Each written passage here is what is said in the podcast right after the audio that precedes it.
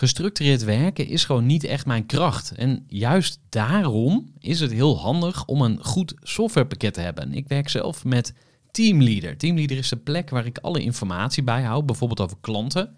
Waarin ik offertes maak en verstuur en die digitaal laat ondertekenen. Waarin ik facturen verstuur, waarin ik lijstjes bijhoud, waarin ik projecten kan managen, waarin ik standaard e-mails kan programmeren. Kortom, ik gebruik Teamleader om alle werkprocessen van mijn bedrijf te stroomlijnen. En zeker ook als je met een team werkt, is het heel fijn om over dezelfde informatie te beschikken. Nou, als je ook benieuwd bent of er mogelijkheden zijn om jouw bedrijf meer te stroomlijnen, of je nu alleen werkt of met een team, ga even naar teamleader.nl slash groeivoer en je kunt dan vandaag nog een trial starten voor twee weken lang, gratis. En je kunt Teamleader volledig uitproberen. En na de proefperiode krijg je ook nog zo'n leuke korting als luisteraar van Groeivoer. Ga naar teamleader.nl slash groeivoer. Gooi voor. Gooi voor. Gooi voor. Zoek je inzicht, inspiratie voor je eigen bedrijf. Wil je elke dag iets leren? Luister dan naar Gooi voor. Hey, wat leuk dat je weer luistert naar de Groeivoer podcast voor ondernemers. Mijn naam is Gerard de Velde en met Groeivoer help ik ondernemers groeien. En ik laat natuurlijk ook mezelf groeien. En dat doe ik onder andere door in gesprek te gaan met eh, ervaren ondernemers. En door te spreken met auteurs van boeken die ik gelezen heb. En in deze aflevering ga ik in gesprek met Aartjan van Erkel. Nou, hij is eh, copywriter, trainer, professioneel spreker en auteur van een aantal bestsellers. Hij heeft eh, onder andere Maak ze gek geschreven en eh, Verleiden op internet. En Aartjan helpt ook auteurs om op nummer 1 te komen op managementboek. Nou, kortom, een veelzijdig man, ontzettend kundig en eh, meer dan interessant om te interviewen. Dus ik zou zeggen, ga lekker luisteren naar dit gesprek met Aartjan van Erkel. Voor de kennis en van een interessante gast. Die zijn verhaal met jou wil delen. Luister je naar Gooi voor. Ik zit hier eh, met Aartjan van Erkel, onder andere auteur van het boek Maak ze gek. Hoe je opvallend veel klanten trekt met online marketing. Aartjan, hartelijk welkom bij de Groeivoer podcast. Bedankt voor de uitnodiging. Ja, want ik, ik heb jou voor het eerst gezien bij een eh, event van Taken Oosterkamp van eh, bedrijfsgroei.nl, delegeren.nl. Hij zat hier vorige week en eh, jij sprak daar over online marketing. En ze zeggen wel eens dat ehm, een spreker goed is als je een jaar later of twee jaar of vijf jaar later nog steeds iets onthouden hebt. Want vaak dan gaat iemand soms wel een uur spreken. Maar wat blijft er hangen? Wat, wat, ga, wat neem je mee naar huis? En wat ik echt onthouden heb uit jouw verhaal was... ga nou als ondernemer je content hergebruiken. Ja. Ja, dat is me echt bijgebleven. Daar heb ik echt wat aan gehad. En sindsdien eh, ben ik dat ook gaan doen. Eh, Ja. hoe, hoe kwam je daarbij? Nou, omdat ik eigenlijk eh, best wel lui ben. Dus het is een lekker om manieren te hebben om, als je eenmaal een goede, goed stuk content hebt bedacht ergens voor, bijvoorbeeld voor je nieuwsbrief of voor een, een video, dat je dat niet eenmalig gebruikt, maar dat, dat, dat je dat vaker laat terugkomen. Dus een van de dingen die wij bijvoorbeeld doen in mijn bedrijf, is dat we ehm, content op een loop zetten. Dus ik maak een, eh, een batch content. Ik heb bijvoorbeeld laatst meegedaan aan een, met, een, met een mastermind groep waar ik in zit. En een, eh, aan een 100 video challenge. We, nou, als we elkaar de volgende keer weer zien, eh, gaan we eh, ervoor zorgen dat we allemaal 100 marketing video's hebben gemaakt.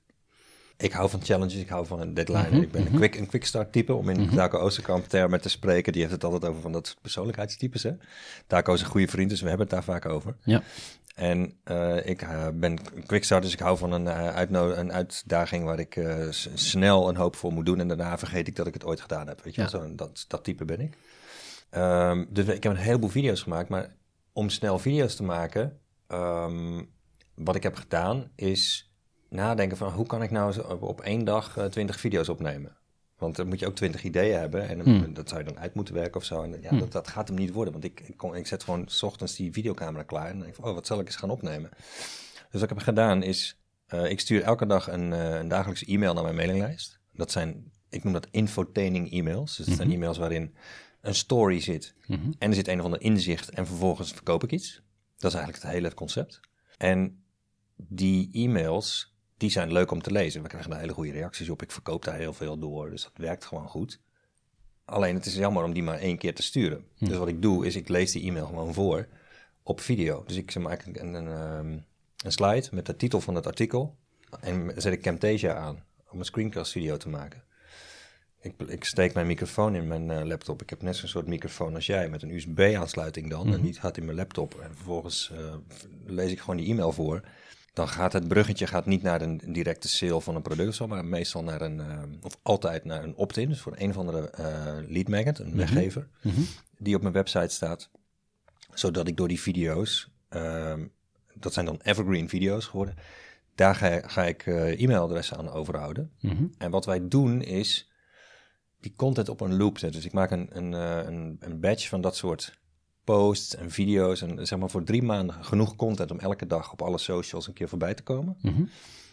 Maar ik ga niet na die drie maanden dan weer allemaal nieuwe dingen bedenken. Dan mm -hmm. zeg ik tegen mijn social media assistent, nou luister, die, die Excel sheet met al die posts en al die video's en zo erin, die ga je dan na drie maanden gewoon weer herhalen. Aha. Dus dan begin je weer bij dag één.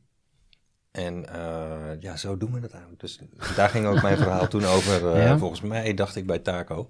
Ja. En ja, dat is een fijne manier om uh, je, je content gewoon te kunnen hergebruiken. En niet iedere keer weer van alles nieuws te moeten bedenken. Ja.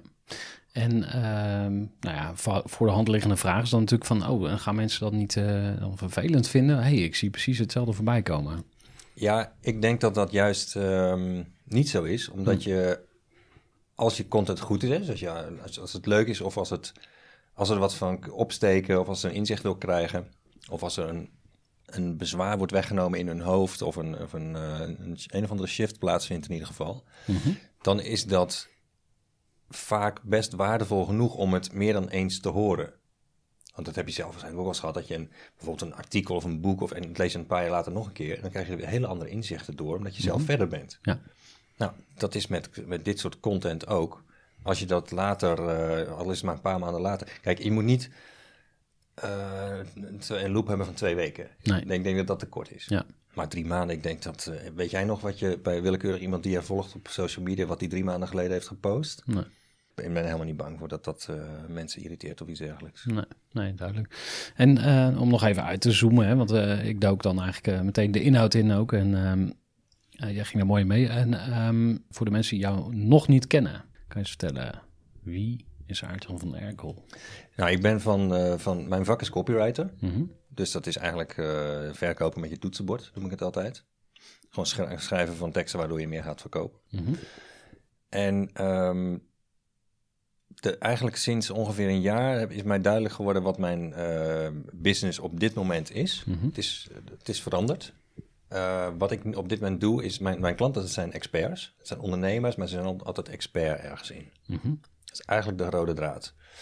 En um, het is het type klanten waar ik graag mee werk en die op mij afkomen. Dat zijn mensen die, graag, die houden van winnen. Mm -hmm. Dus die, die een beetje competitief zijn. Die vinden het leuk om... Um, ja, zeg maar het mannetje te zijn of het vrouwtje, om het zo maar te ik zeggen. Ik denk meteen aan Femke ook, uh, Femke Hogema, die, ja, die, houdt ook ook van begeleidt. winnen. Ja, dat is ook echt een uh, Ja. competitieve dame. Ja. Ja. Nou, dat vind ik leuk. Ik heb dat Mhm. ook. En ehm, zij willen de bekendste naam in hun markt worden. Ja. Dat is vaak wat ze. Dat is natuurlijk ook heel slim om dat eh, als ambitie te hebben, omdat je daardoor. en Ik, ik help ze aan een vorm van marketing waardoor zij niet meer achter klanten aan hoeven te jagen, maar Mhm. dat het, de rollen worden omgedraaid. Ja. Dus klanten gaan achter hun aan zitten, omdat ze zo'n goede reputatie hebben en zoveel autoriteit in die markt. Mhm. Dat vind ik heel leuk om eh, klanten daarbij te helpen. Ik noem dat expertise marketing. Hm. En wat ik ook doe, ik help ze aan een ander verdienmodel. Dus ik help ze om zich- zichzelf te bevrijden van uurtje factuurtje Ja. of dagdelen verkopen. Mhm. En ik help ze om daarvan een, eh, een business te maken waarin ze schaalbaar zijn. Mhm. Dus waar ze in hun kennis, dat wat in hun hoofd zit, kunnen omzetten in eh, boeken, trainingen, online trainingen, memberships, keynotes. Ja. Zodat ze ehm, in één keer heel veel klanten kunnen helpen, in plaats van altijd maar één op één te werken en tegen een omzetplafond aan te zitten. Ja, ja. Ehm, en dat, ehm, ja, doet me denken ook aan, eh, want jij had het over hoe, hoe kom ik, eh, hoe zorg je ervoor dat klanten naar jou toe komen in plaats van dat, dat je achter klanten aan moet rennen. Uh, maar ik moest even denken aan Perry Marshall, die, die ergens in een van zijn boeken, uh, dat heeft het over wrecking the shotgun. Ja. Dus nou, er zit een, een, een, een, verhaal aan vast natuurlijk, maar de bottom line is, je moet echt iets gaan doen waarmee je opvalt, waar mensen denken van, hey, die, die gast moet ik hebben. Of die, die, die dame die kan mij zeker uh, verder gaan helpen. Uh, nou, een boek is natuurlijk een, uh, een voor de hand liggende manier om autoriteit op te bouwen. Dus dat, hè, als je een boek geschreven hebt, dan word je geïntroduceerd. Hey, dit is de auteur van. Ja. Ik heb het idee dat ook steeds meer mensen een boek schrijven. hoeveel kwaliteit moet je hebben eigenlijk om, om expert te zijn of een boek te schrijven? Want ehm, we hadden het net even in het voorgesprek ook over, uh, ik noemde dat de, de content-explosie, zeg maar. Maar ja. er komt zoveel op je af. En tegenwoordig schrijft iedereen ook maar een boek. En er zijn ook uh, uh, met self-publishing uitgevers die daar heel slim op inspelen, zodat iedereen nu een expert is. Ja. En dus het begrip expert devalueert. En vroeger, als je een boek geschreven had, dan dan was je een hele pief. Maar uh, omdat je nu... Uh, iedereen kan een boek schrijven. Dus hoe, hoe kijk ja. jij daarnaar? Ja, nou, een, het hebben van een boek... Als je een ondernemer bent en je hebt een boek... Um, dat betekent niet automatisch dat je daardoor ook het mannetje wordt. Dat je de top dog, zeg maar, wordt in, jou, in jouw uh, business of, of in jouw branche. Of dat je daar in je omzet iets van merkt. Mm -hmm. Dat is niet... Dat, want het is inderdaad precies wat jij zegt. Iedereen kan een boek publiceren. Dat is nu via printing on demand en zo. Je kunt het zelf allemaal doen. Je hebt geen uitgever meer nodig. Hmm. En dat weet ook iedereen. Dus een boek is op zich... Nou, vinden mensen nog steeds wel knap als je dat lukt... om überhaupt zoveel te schrijven. Maar ja. het is, dat, de waarde daarvan is ook gedevalueerd... Hmm. door die hele self-publishing wereld die erbij is gekomen. Dus als je een uitgever vindt... Dus kijk, een, een, een boek helpt je in je business als je dat boek ook succesvol weet te maken. Ja. Dus als, dat, als je bij de boekhandel binnenkomt, heb je van die tafels. En als het daar op een stapeltje ligt tussen de andere bekende namen. Als het een bestseller wordt, als het op één komt te staan. Dan heeft een boek voor jou dat. Dan helpt het om jouw expertise te benadrukken. Mm -hmm. Als het een boek is dat de, niet uh, voorbij de eerste druk komt. Ja. Of waar nooit iemand van gehoord heeft. Ja, dan doet een boek ook niet veel voor je. Nee.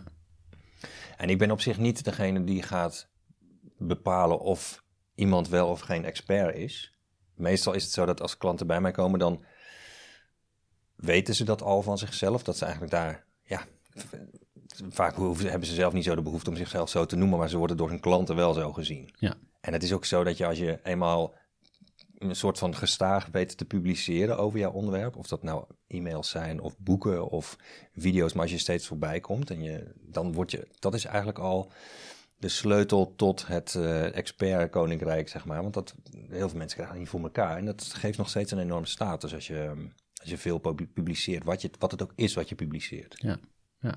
En hoe, uh, hoe was dat voor jou zelf met jouw eigen boek? Want was, was meteen je eerste boek uh, een hit? Zeg maar. Maak ze gek is in 2016 best verkochte managementboek geweest. Ja. Uh, was dat ook je eerste boek? Was meteen raak, ja, dit, zeg was, maar? dit was het eerste boek. Ja. Uh, uh, Verleid op internet. Ah, ja. Dus hoe maak je een website onweerstaanbaar? Dat was het eerste boek, die kwam op twee op managementboek. Ja. En dat is ook de reden dat ik... en ik heb me daar niet gerealiseerd toen dat dat bijzonder was. En dat ik misschien wel dingen had kunnen doen om dat ding naar de positie Ja. nummer één kunnen te Ja, ja, krijgen. ja. Daar heb ik nog steeds spijt Aha. van. Want dan had ik nu kunnen zeggen dat ik de auteur ben van twee nummers Ja. één bestsellers. Dus Groei van 100%. en dat is gewoon jammer als je die, dat soort kansen laat liggen. Dus die frustratie die heeft me eigenlijk ertoe gebracht... oké, als ik weer een boek uitbreng, komt hij op één. Dus Ja. dat wordt mijn doel. Dat. Hij moet op één komen. Dus dat, daar heb ik toen alles op ingezet om dat ding op één te krijgen.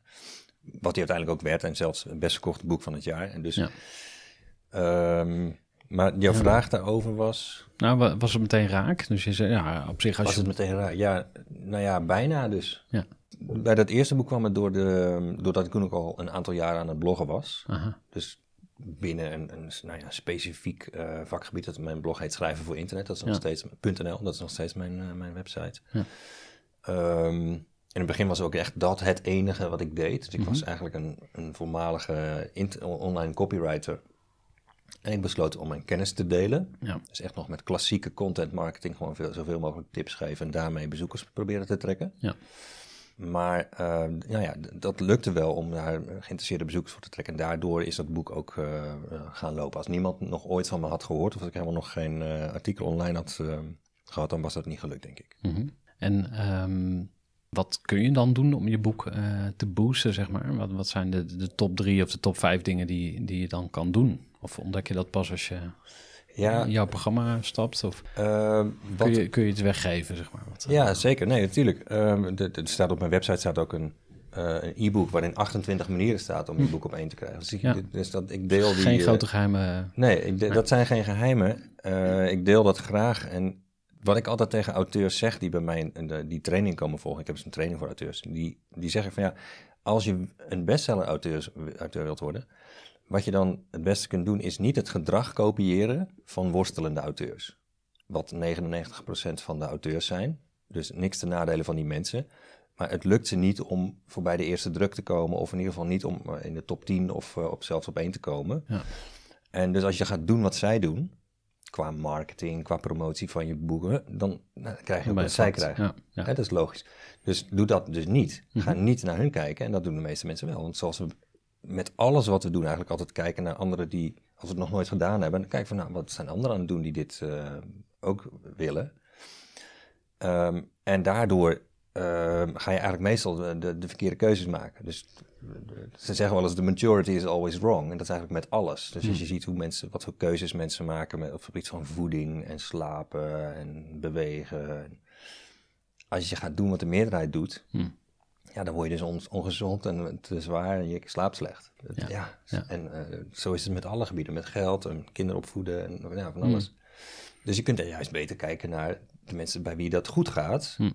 Alleen die zijn natuurlijk moeilijker te vinden, dus dat doen we dan vaak niet. Mm. Nou, als je dus, maar als je het gedrag van een bestseller-auteur gaat kopiëren, kijk, wat, mhm. wat doen zij nou?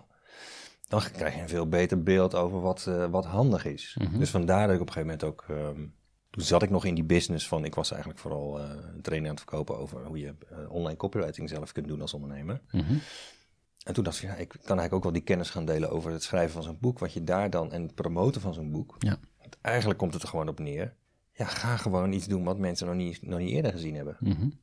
Om een voorbeeld te geven, uh, bij, dat, bij dat eerste boek Verleiden op internet, toen zat ik bij die uitgeverij en um, ik had ideeën voor promotie waar die uitgever een beetje ongemakkelijk van werd ik zei, ja, wat ik eigenlijk wil is, we gaan dat, uh, dat boek gaan jullie dan voor me uitbrengen, maar ik wil het ook gratis weggeven.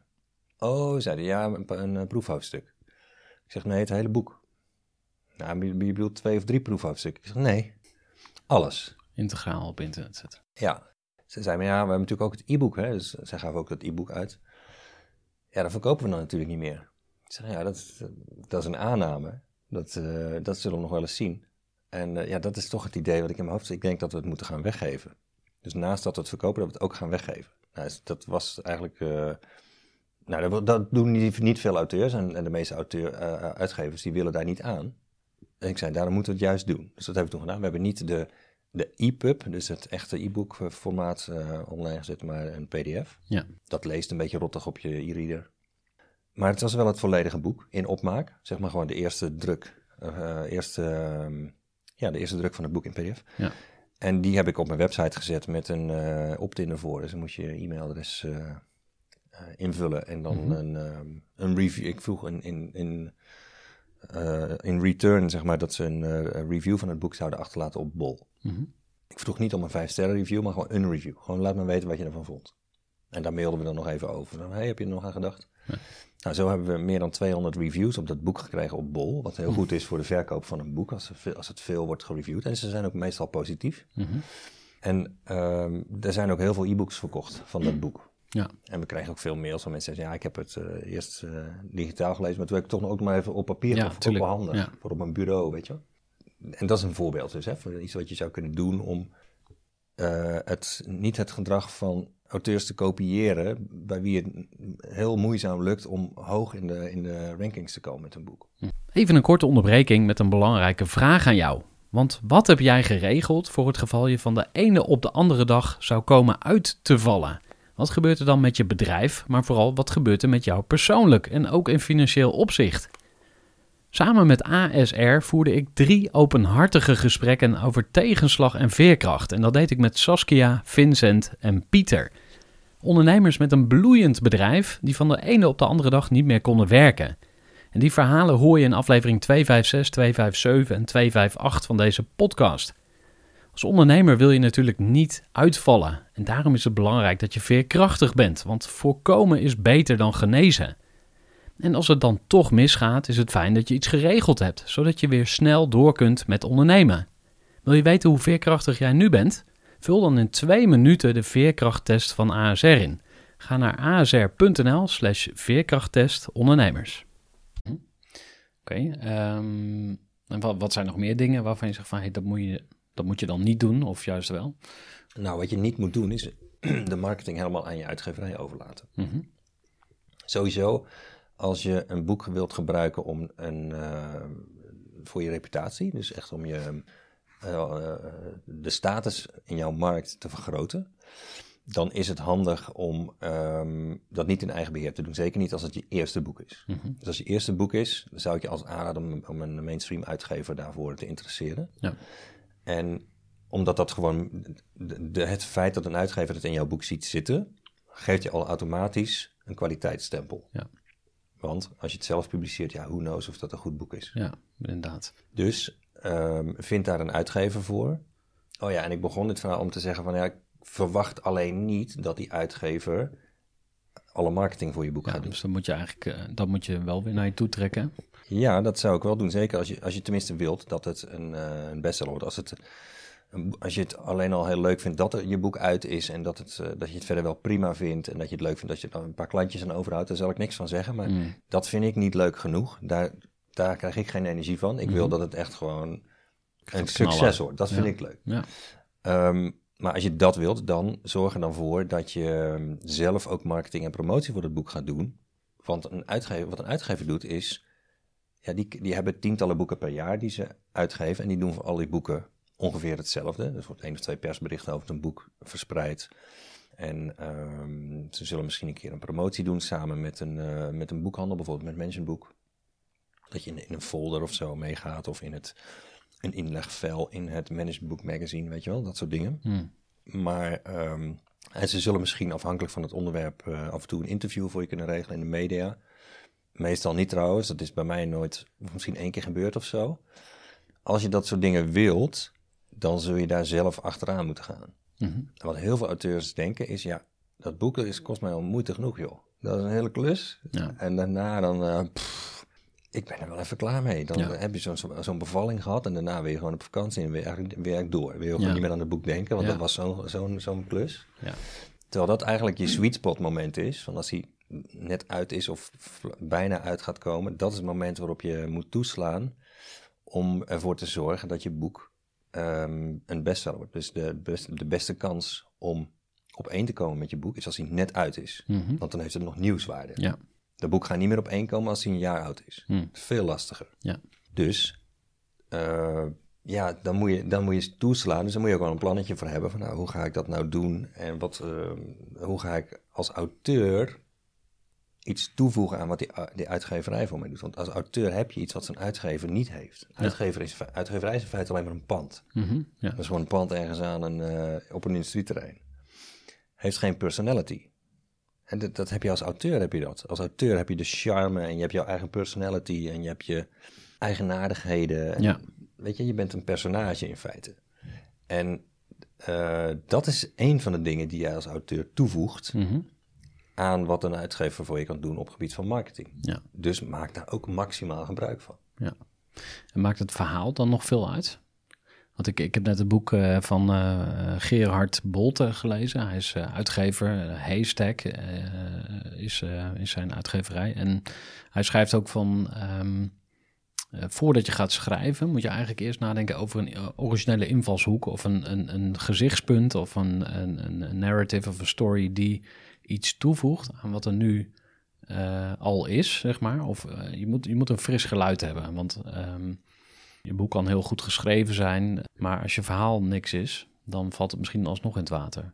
Dus hoe, hoe kom je daarachter? Heb je daar een idee bij? Nou ja, wat er vaak gebeurt is als, eh, als een expert een boek gaat schrijven, experts zijn vaak hele integere mensen met een enorme drang om mensen te helpen. Hm. Dus die gaan in dat boek gaan ze die klant zoveel mogelijk hulp proberen te geven. Hm. En wat kan een expert? Een expert is zeg maar 10, 20 jaar down the road in vergelijking met zijn publiek dat het boek leest. Hm. Dus die heeft daar best wel lang over gedaan om dat allemaal te weten en te kunnen, wat hij nu kan. En dan Ja. komt dat boek er. Ja. Maar wat je dan geneigd bent om te doen als expert, is om dat te onderschatten. Die hele journey die Ja. jij hebt gehad. En om je lezer te gaan behandelen alsof het als, alsof jij Peer het zelf is, bent. Ja. alsof het een peer group is. En dat is natuurlijk niet zo. Die, Mm. die staan helemaal aan het begin. Dus die hebben Ja. het eigenlijk nodig dat jij ze helpt om versneld die 10, 20 jaar van opbouw door te gaan. Ja. Dus eh, eh, die hoeven niet alle learnings te hebben die jij in die jaren gehad hebt. Wat experts geneigd zijn om te doen als ze een boek gaan schrijven, is dat ze daar een magnum opus van maken. Mhm. Dus dat wordt het ultieme boek over dat onderwerp. En dat is niet nodig? Nou, het is ten eerste is dat een mega klus, Mhm. Maar het is ook helemaal niet leuk om te lezen. Hm. Want het is verschrikkelijk veel informatie. Ja, dus je, is te veel. Ja, het is, eh, ze zeggen wel eens dat het eh, een onzichtbare vorm van marteling is om mensen te slaan met telefoonboeken. Hè? Hm. Nou, dat is wat ze eigenlijk doen, die experts op dat moment. Hè? Die gaan je slaan met een verschrikkelijke dikke pil. Hm.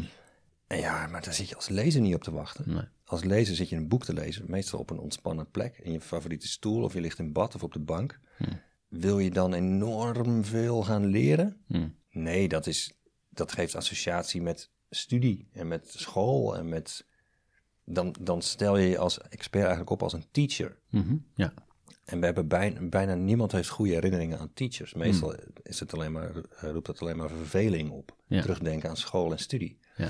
En dus waarom zou je dan die associatie wekken met je boek? Hmm. Je kunt in mijn ogen veel beter een boek schrijven dat entertaining is Mhm. om te lezen. Dus waar, waar, je- waar mensen denken, ja, dan neem ik mee in het vliegtuig op vakantie.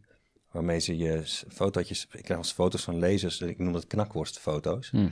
En die liggen dan op een stretcher bij het zwembad.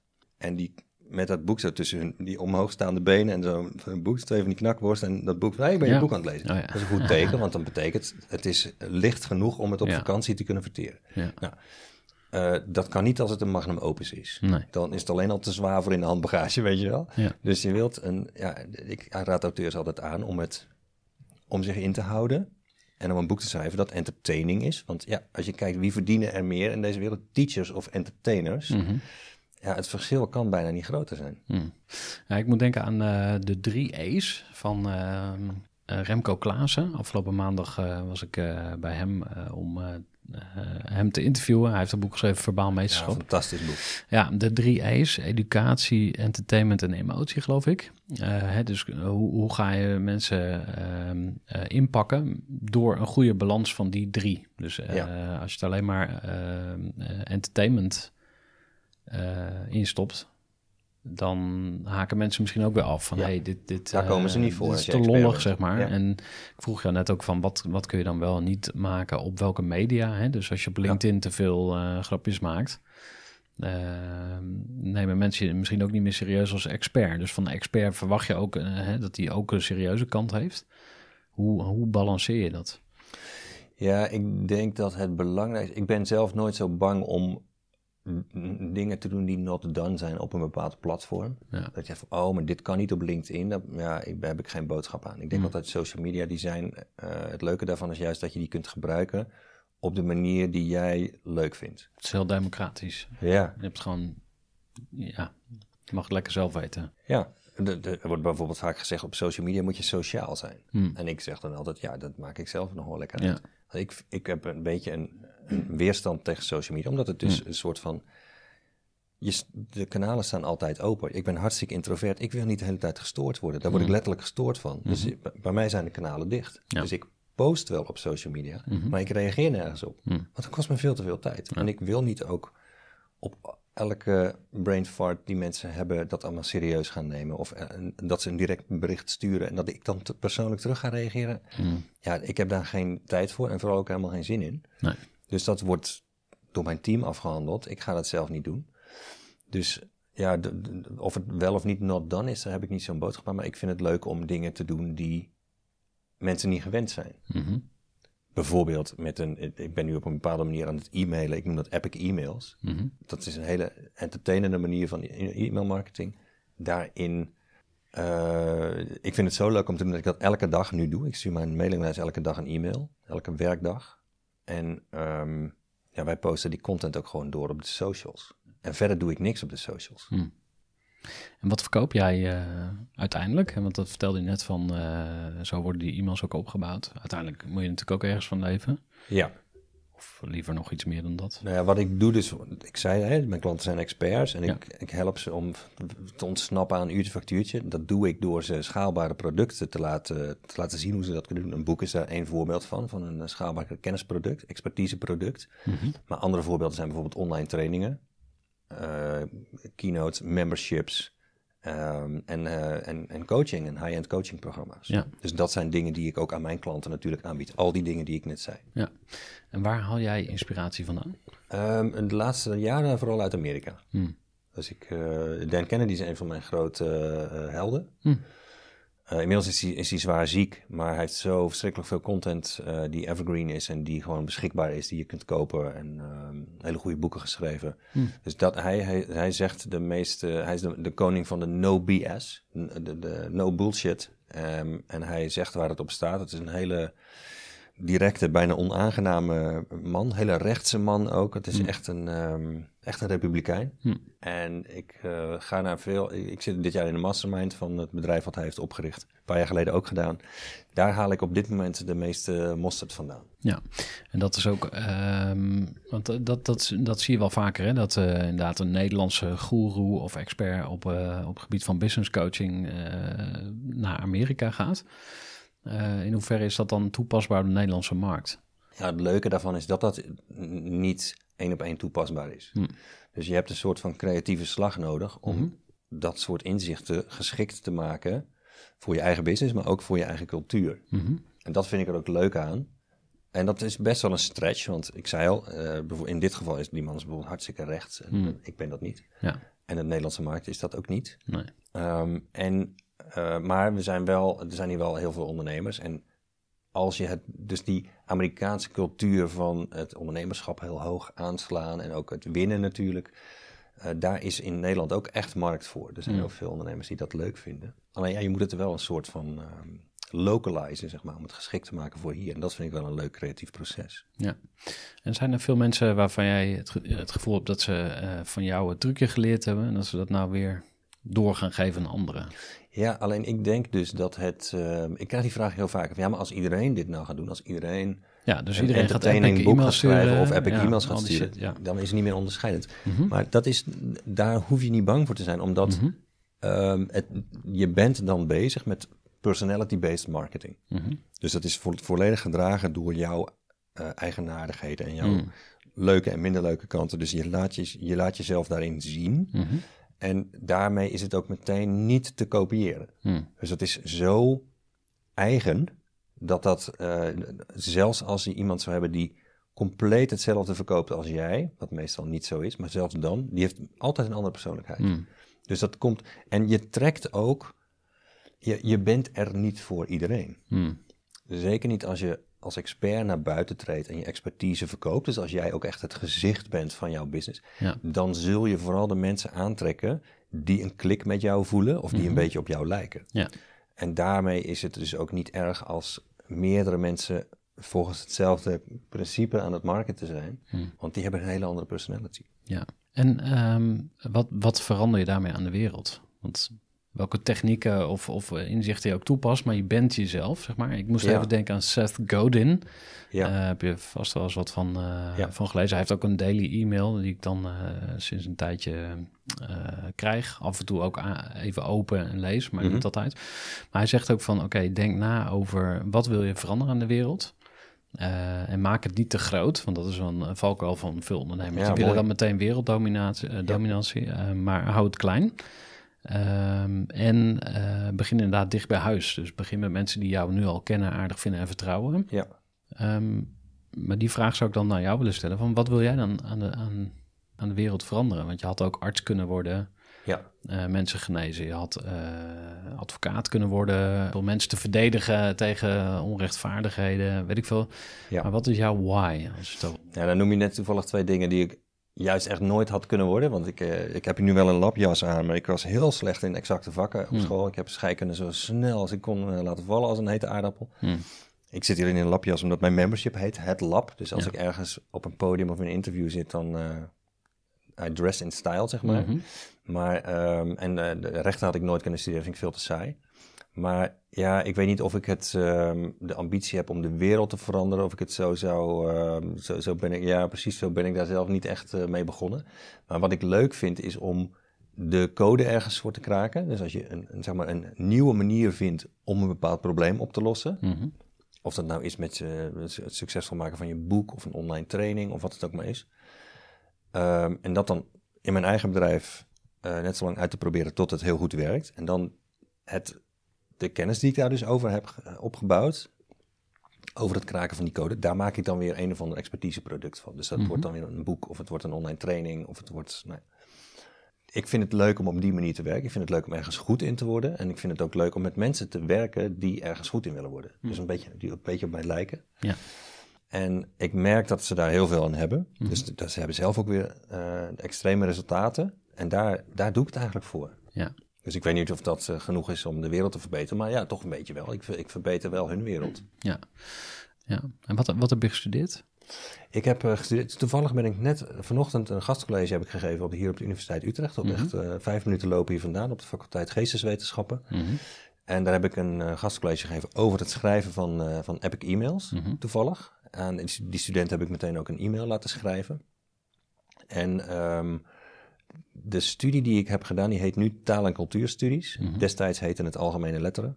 En ik ben afgestudeerd op eh, ja, eh, communicatiekunde. En dat is eigenlijk eh, toegepaste taalkunde. Dus ik ben bijvoorbeeld afgestudeerd op een onderzoek naar cultuurverschillen in gebruiksaanwijzingen. Dus echt van die hele praktische teksten zoals gebruiksaanwijzingen. Ik ben, ik ben nogal van praktisch. Dus dat vond, ik een, vond ik een leuke studie. Hmm, cool. En ehm, eh, wat, wat zijn eigenlijk jouw idealen? Heb jij eh, hogere doelen? Waarvan je, want eh, je hebt nu wat meer verteld over hoe je eh, terechtgekomen bent in, in, in ja, eh, het ondernemerschap wat je nu hebt. Je bedrijf, Ja. je expertise, je business game, of hoe je het ook wil noemen.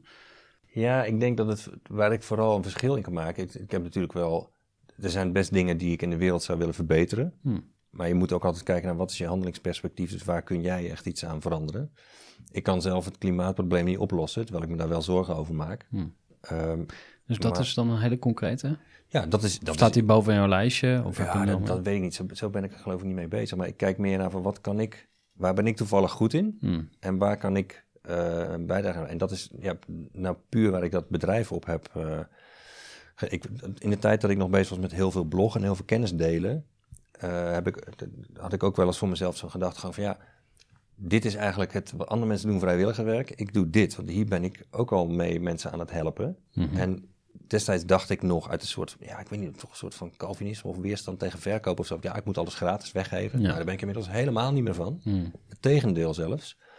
Want je trekt daarbij alleen maar klanten die alles gratis willen. Maar ik, eh, ik zie datgene wat ik nu voor goed geld verkoop, die kennis, zie ik ook als het, eh, het echt een verschil maken in het leven van ondernemers. En vaak zijn het ook ondernemers die hun klanten aan het helpen zijn. Dus die, die, zijn, die zitten niet alleen maar in voor het geld. Vinden ze wel heel leuk, maar ze zijn eh, toch de wereld een beetje beter aan het maken. Hmm. Ehm, hoe, hoe denk je eigenlijk over geld als ondernemer? Eh, ja, dat is ook een leuke vraag. Ja, het- ik vind het wel grappig dat het in Nederland is het eh, onderwerp van geld vaak nog een beetje een... ik vond het ook leuk wat Femke Hoogma daarover zei tijdens jouw, jouw podcast.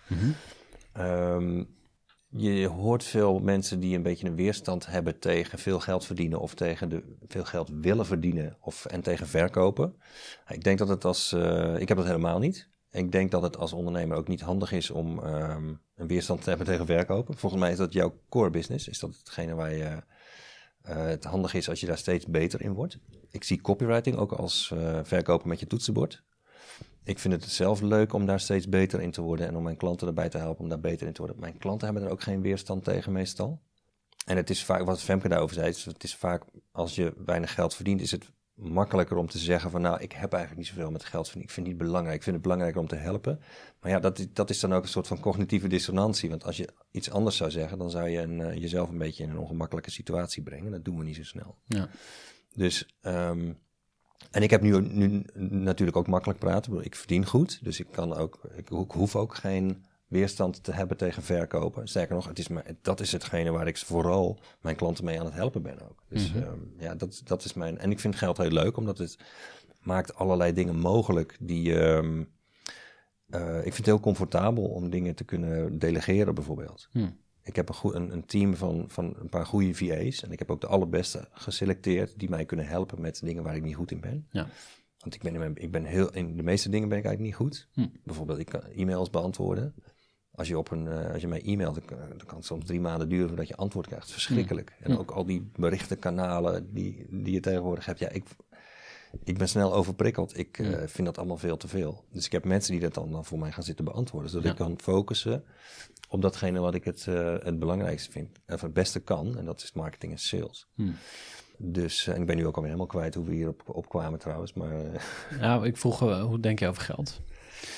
maar hoe, we daar, hoe we dan hier uitkwamen, weet ik niet meer. Nou, je zei, ik heb nu, jij hebt het voor elkaar. Dus in die zin, dat zijn mijn woorden natuurlijk, maar je, je hebt het gewoon zo neergezet dat jij gewoon goed geld verdient. De vrijheid hebt ook om zaken te delegeren. En daar heb je het budget ook voor. Ehm, Ja, wat, oh ja, daar hadden we het over inderdaad. Mhm. Wat, wat, eh, wat, vind je, wat vind je van geld? Ik vind het leuk dat je dat kunt eh, gebruiken om je leven comfortabeler te maken. mhm. Bijvoorbeeld eh, ja, dingen waar je anders routinematig tijd in zou gaan steken in het weekend. Zoals bijvoorbeeld, weet ik veel, de tuin doen of de auto wassen. Of allerlei irritante klusjes die ik irritante Ja. klusjes, klusjes Ja. aan huis, in Ja. huis doen bijvoorbeeld. Ik ben onhandig en Mm. ik heb vroeger wel veel geklust. Toen had ik geen geld, dus ik, ik ging dat zelf doen. Nu zijn er, as we speak, zijn er gewoon schilders bij ons thuis. Bij bijvoorbeeld kleine klusjes hier, een dingetje, een muurtje en daar een dangetje. Vind ik heerlijk dat ik dat nu gewoon, Ja. dat dat klaar is als ik thuis kom. Ja. En dat ik in die tijd gewoon een leuk podcast met interview met jou Ja. heb kunnen doen. En eh, een gastcollege heb kunnen geven. En dus dat, je, dat het geen enkel probleem meer is om andere mensen te betalen om dingen te doen die ik zelf eh, eh, niet leuk vind. Ja. Waardoor ik ook weer meer tijd heb voor de dingen waar ik eh, blij van word. Mhm. Ja, dat, dat vind ik heel leuk aan geld, dat het daarmee kan. En wanneer, wanneer heb je genoeg, zeg maar? Wanneer, wanneer heb je genoeg geld? Ja, dat is ook een leuke. Ehm, Want je hoort wel eens mensen zeggen, ja, nee, je moet eerst jezelf helpen en dan kun je anderen helpen. Alleen, ja, dat denk ik, daar geloof ik zeker in. Maar ja, dat is, ja. daar heb je al heel snel genoeg voor, denk ik. Nee, precies. En dan je heb je die zuurstof, hè? ja. eh, de, de, de oude, de bekende, want alle clichés eh, komen altijd eh, voorbij van de, in het vliegtuig, je pakt de zuurstof en dan moet je eerst jezelf helpen. Maar als je daarover nadenkt, die metafoor, denk je van ja, maar hoe lang wil je dan aan die zuurstof hangen? Ja. Want er zijn heel veel mensen die dus wel die zuurstof pakken, zichzelf helpen en dan, wanneer heb je genoeg, zeg maar? Wanneer, wanneer... Ja.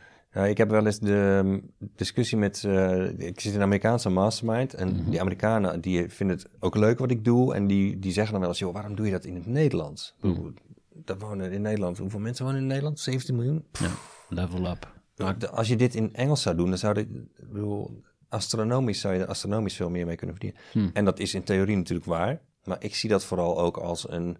Ik zie ten eerste... heb ik geen zin in het helemaal vanaf scratch opbouwen... van wat ik, waar ik nu in Nederland een tijd over heb gedaan, zeg maar. Maar ook om veel te reizen, veel van huis weg te zijn voor keynotes... maar dan in Amerika, weet je wel. Of, eh, ik heb weinig... En ik zou dan misschien wel maal 10 of maal 20 kunnen gaan... Maar die, dus ik heb niet de ambitie om eh, eh, te groeien tot uh, the sky is niet the limit. Daar is, daar zo interessant vind ik geld nou ook weer niet. Ik, kan, Mm. ik, heb heel, ik, ben, ik heb eigenlijk weinig, ik heb niet zo'n dure smaak en ik heb weinig... eh, ik vind het leuk om als ik, als ik reis om dan eh, niet te hoeven besparen. Dus ja, dan ga ik gewoon lekker met de taxi en ik vlieg business class en dat vind ik, dat vind ik heel prettig. Maar Ja. ik ga niet... Ik hoef geen dure horloges, duur, ik heb niks met auto's, dus dat vind ik allemaal niet boeiend. Dat scheelt. Ja, dat scheelt nogal. Ja. En ehm, dus het, ik hoef niet ehm 10 miljoen per jaar te, te doen of zo. Ja. Ehm, maar ik vind het vooral leuk om een bepaalde levensstijl te kunnen hebben en ook een bepaalde, eh, bepaald type business. En dan, ik ben er eigenlijk al redelijk snel eh, tevreden over. Hm. En ik zie het dan meer als een spel om het zeg maar nog financieel ook nog beter te laten lopen. Maar ik, heb, ik denk dat als het, ehm, als ik nog een paar keer over de kop zou gaan met omzet, dat ik daarna eigenlijk bijna geen prikkel meer heb om nog te willen groeien. Want ja, daar vind ik dat dan niet echt, eh, dat, dat voegt niet iets toe waardoor mijn leven leuker gaat worden. Nee. Heb je, eh, denk je wel eens na over je pensioen? Is dat iets wat je, waar je ook voor spaart? Of je, eh, dat hebben heel veel ondernemers ook niet geregeld. Nee, dat klopt, ja. Ja, ja gelukkig kom ik dus uit de ondernemersfamilie. Dus mijn Ja. vader die heeft eigenlijk aan het begin van mijn, toen ik nog freelance, heeft hij al gezegd, je moet je pensioen regelen.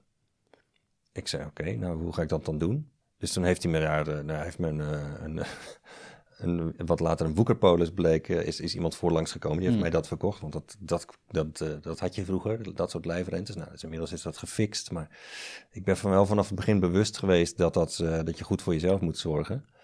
En ik vind het ook best wel zorgwekkend dat, dat je veel ZZP'ers ziet die zichzelf werkomstandigheden geven, ook qua voor zichzelf, die, zich, die, zo, ehm, die niet zo, zo voor zichzelf zorgen als een werkgever voor ze zorgt. Kijk, als je bij een werkgever in dienst gaat en die heeft geen pensioenregeling en geen arbeidsongeschiktheids, eh, er, is, er zou geen arbeidsongeschiktheidsregeling Ja. zijn, zou je dat arbeidscontract niet Nee, ondertekenen. dan ga je, ga je natuurlijk niet aan beginnen. Nee, Nee. maar je ga, als je gaat ZZP, dan denk ik van nou, die arbeidsongeschiktheidsverzekering is wel heel duur. Nou, dat, dat skippen we maar even. Ja, En dan ben je dus niet goed voor jezelf aan het zorgen. Ja. Kijk, als je niet genoeg verdient om een arbeidsongeschiktheidsverzekering te betalen, dan kun je misschien beter in loondienst gaan. Ja. Dat is misschien heel hard, maar het is wel, je moet ook denken aan wat er kan gebeuren. Ja.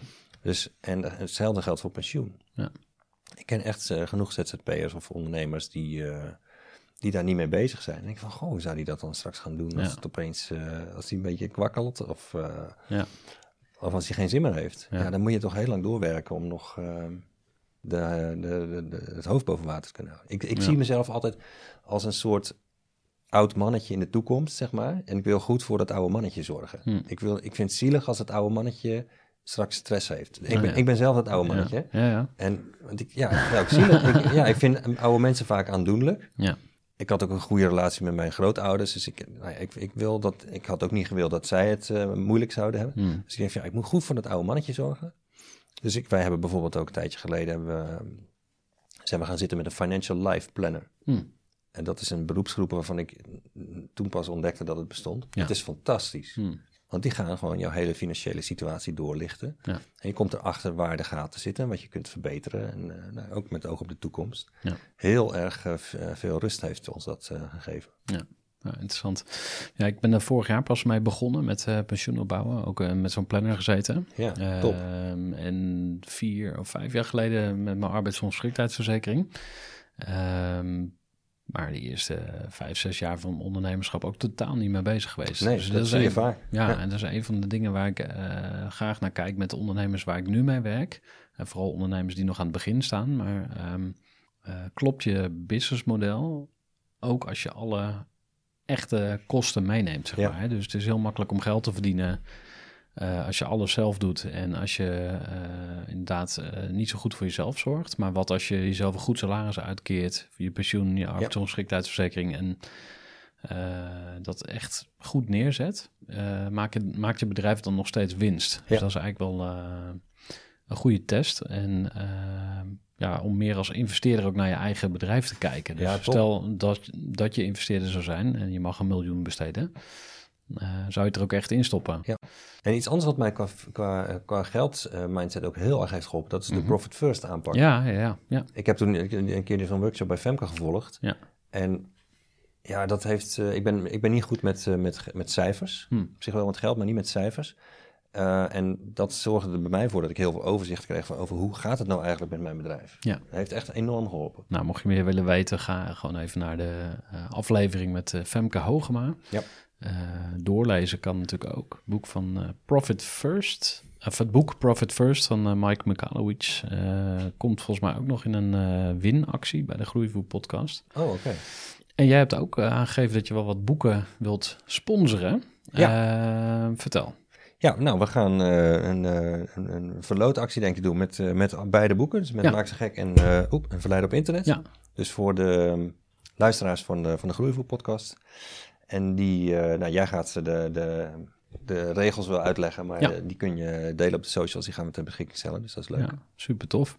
We gaan richting afronding. En ik ben al wel benieuwd of jij eh, nog een, leestip hebt. Nou, ik ben enorm schatplichtig aan, aan Dan Kennedy.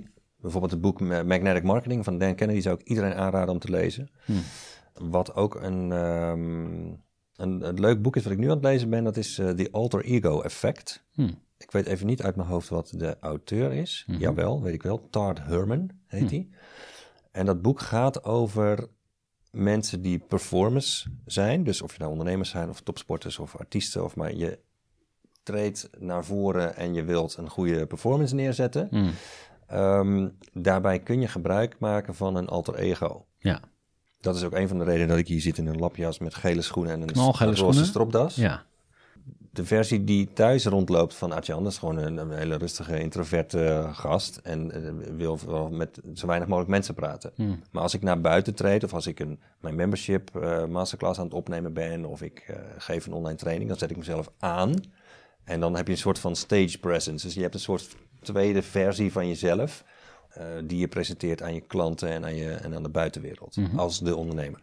En het is leuk om te zien in dat boek, de alter ego effect, worden heel veel voorbeelden gegeven van ehm, eh, bijvoorbeeld topsporters die dat ook hebben. Die een alter ego in hun hoofd hebben op het moment dat ze het veld oplopen Ah, waarbij ze gebruik maken van de krachten, bijvoorbeeld superpowers. Dat kunnen, kan bijvoorbeeld een superhero zijn, Ja. een Superman of zo, Ja. of iets, zoiets simpels.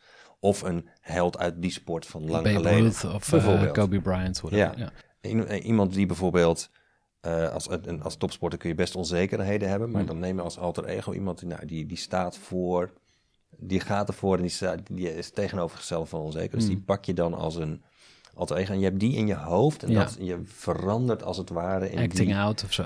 Ja. Hmm, heel interessant. Heel interessant. En daar geeft, nou, geeft hij allerlei voorbeelden. En hij heeft Ja. ook een hele methodiek. Maar het is een, ehm, ik vind het een heel interessant gegeven. Ja, dan heb je zo iemand in je hoofd als je dan... eh, En ben ik nu al over aan nadenken. Ja. of is er een held het, voor jou? Wat het bij mij is. Dat heb ik niet zozeer... Dan Kennedy dan? Ja, maar dat is echt een totaal ander type. Hmm. Hij heeft wel allerlei dingen die ik heel grappig vind. Mhm. Ik ben, het nog, ehm, ik ben er nog over aan het. Wat Ja. het voor mij zou eh, kunnen zijn. Ik doe dat misschien ook wel impliciet. Dus zonder dat ik ermee bezig ben. Mhm. Ik weet al dat ik als ik op een podium ga staan, dan moet ik mezelf aanzetten. Dan moet je Ja. zelf twee keer zoveel ruimte ingeven Mm. en hard genoeg praten Mhm. en enthousiasme uitstralen. Dat is Ja. eigenlijk al het allerbelangrijkste om goed over te komen. Ik pak daar niet een alter ego voor, maar het zou best kunnen dat ik daar nog iets mee ga doen. Want hoe blijf je bij jezelf? Of hoe kun je oprecht zijn en authentiek en eerlijk en integer op het moment dat je te veel stage presence hebt of een rol moet spelen? Ja, leuke vraag, ja. Ik denk dat het... eh, ik heb het toevallig net ook eh, hebben we helemaal uitgediept in een boek wat ik erover aan het schrijven ben. Eigenlijk nog geheim. Ja. Maar dat gaat ook dat gaat over eh, eh, personality en copywriting. Dus hoe zet je jezelf zo neer, ook in de teksten die je schrijft, bijvoorbeeld in je e-mails of in je boeken, dat het interessant is.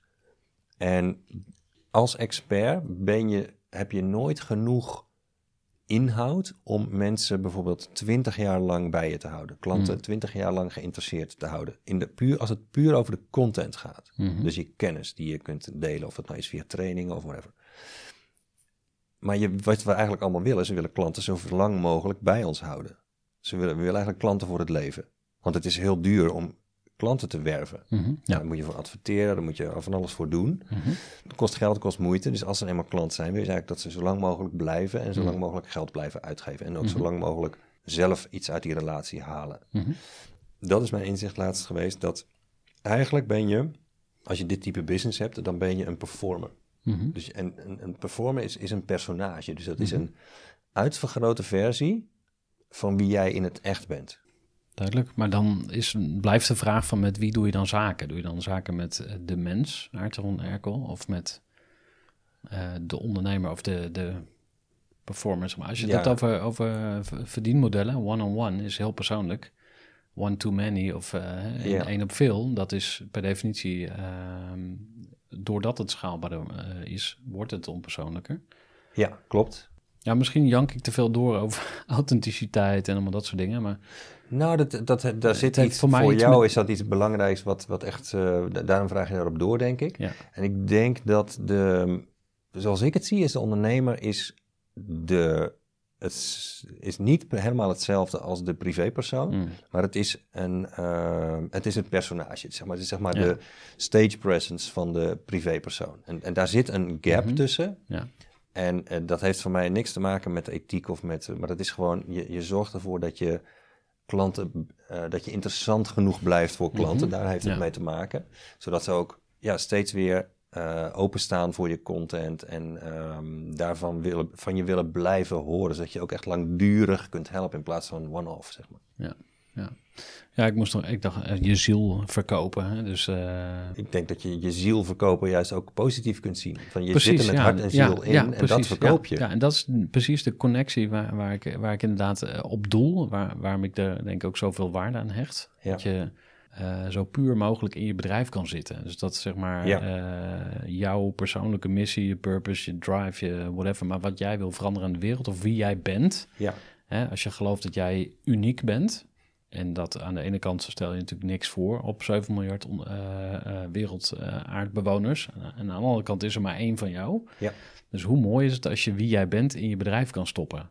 En eh, nou, dus hebben we ook onderzoek gedaan in de psychologie naar de, de, de, eh, het ging over McDonald's, hè, dat je dan een rotdag hebt, maar wel service with a smile moet, moet leveren. En dat dat een enorme psychologische druk oplevert, omdat Ja. eh, hoe jij je voelt, wie je bent, totaal disconnected is van eh, de performance die je moet leveren. Dus eh, ja, hoe dichter je bij jezelf kan blijven in je bedrijf, hoe mooier het eigenlijk is. Ja, er zit natuurlijk altijd wel een bepaald aspect in van de show must go on. Hè? Als, ik een, als ik geboekt ben als spreker op een congres en ik ben zwaar verkouden op die dag, sta ik gewoon op het podium. Ja. Niet als ik 39 graden koorts heb, Ja. maar je verlegt je grenzen. Ja. Dus ik vind het niet erg om mezelf te stretchen op zo'n manier. Dat, is dat ik soms eh, misschien die service met een smile moet geven op het moment dat het niet zo voelt. Ja. Ik denk dat we als de, de meeste ondernemers die echt nou ja, die met lol in zitten in het bedrijf, die kunnen dat wel, eh, die kunnen zich ergens overheen zetten. Eh, maar ik zie het, ehm, zeg maar die expertise marketing, dus als je zelf echt de frontman of woman bent van jouw bedrijf, zie ik juist als het ehm, verkopen van je ziel aan de juiste personen, die er Mm. echt wat mee hebben. Niet aan de duivel, maar juist aan de het tegenovergestelde daarvan, wat het Ja. ook mogen wezen. Mm. Ehm, zo zie ik het meer. Dus ik zie dat niet als een eh, potentieel risico of dat je jezelf voorbij loopt of dat je anders jezelf voordoet of zo. Ik denk juist, ja, je doet jezelf, je, net als wanneer je op higher self. Kijk, als, als, een, als een, eh, een performer, een zanger of een stand-up comedian, als die daar als zichzelf gaat staan, zoals hij thuis is, ja, dan moet niemand om hem lachen. Nee, dat, Dat is zijn vak niet. Nee. Hij staat er als, ja. op dat moment als een stand-up comedian. Ja. Weet je, Mr. Bean, die was thuis heel erg introvert, geloof ik. Hm. Dus daar zouden we niet om moeten lachen. Dus het heeft geen, je, je zet jezelf aan Ja. Op het moment dat jij eh, aan het performen bent. En dat vind, ik vind dat een heel leuk proces. Hoe kunnen mensen jou eh, boeken of eh, jou uitnodigen voor een Ze kunnen event? alles vinden op uh, www.schrijvenvoorinternet.nl. Mhm. Dat is tegelijkertijd mijn, mijn blog waar heel veel tips staan en heel veel stories. Nou, dat, mijn, ze kunnen zich aanmelden voor mijn dagelijkse e-mails. Daar, daar staat dat e-book met die 28 tips om je boek op één te krijgen. Nou, allerlei andere ingangen om wat met mijn content eh, te gaan doen. Dus dat is eh schrijvenvoorinternet.nl. Super bedankt. Eh ja, we zouden nog uren door kunnen, maar dat gaan we niet doen. Dus eh dank je wel voor deze investering gedaan. van Bedankt jouw voor de uitnodiging. Ja, graag gedaan. Ja, dat was een mooi gesprek met eh Aart-Jan. Ik ben benieuwd wat jij eruit gehaald hebt voor je bedrijf. Of je misschien op een andere manier bent gaan kijken naar copywriting, naar het gebruiken van je content op je social media. Ehm, misschien ben je ook wel van plan om een boek te schrijven. Of ken je iemand die ermee bezig is? Nou, je kunt ze altijd doorsturen naar aartjanvanerkel.nl. Want hij doet eh, niet alleen boeken schrijven, maar ook boekenschrijvers begeleiden. Nou, tot zover deze aflevering van Groeivoer voor ondernemers. Ik hoop dat je deze aflevering wilt doorsturen naar mensen die je kent als je enthousiast bent. En eh, mocht je het leuk vinden om met mij te verbinden, ga dan even naar LinkedIn, zoek mij op Gerhard te Velde en eh, klik op toevoegen en dan zijn we binnenkort vrienden. Ik kan niet wachten. Jij hopelijk ook niet. Oké, tot snel, tot later en dank voor het luisteren. Gooi voor.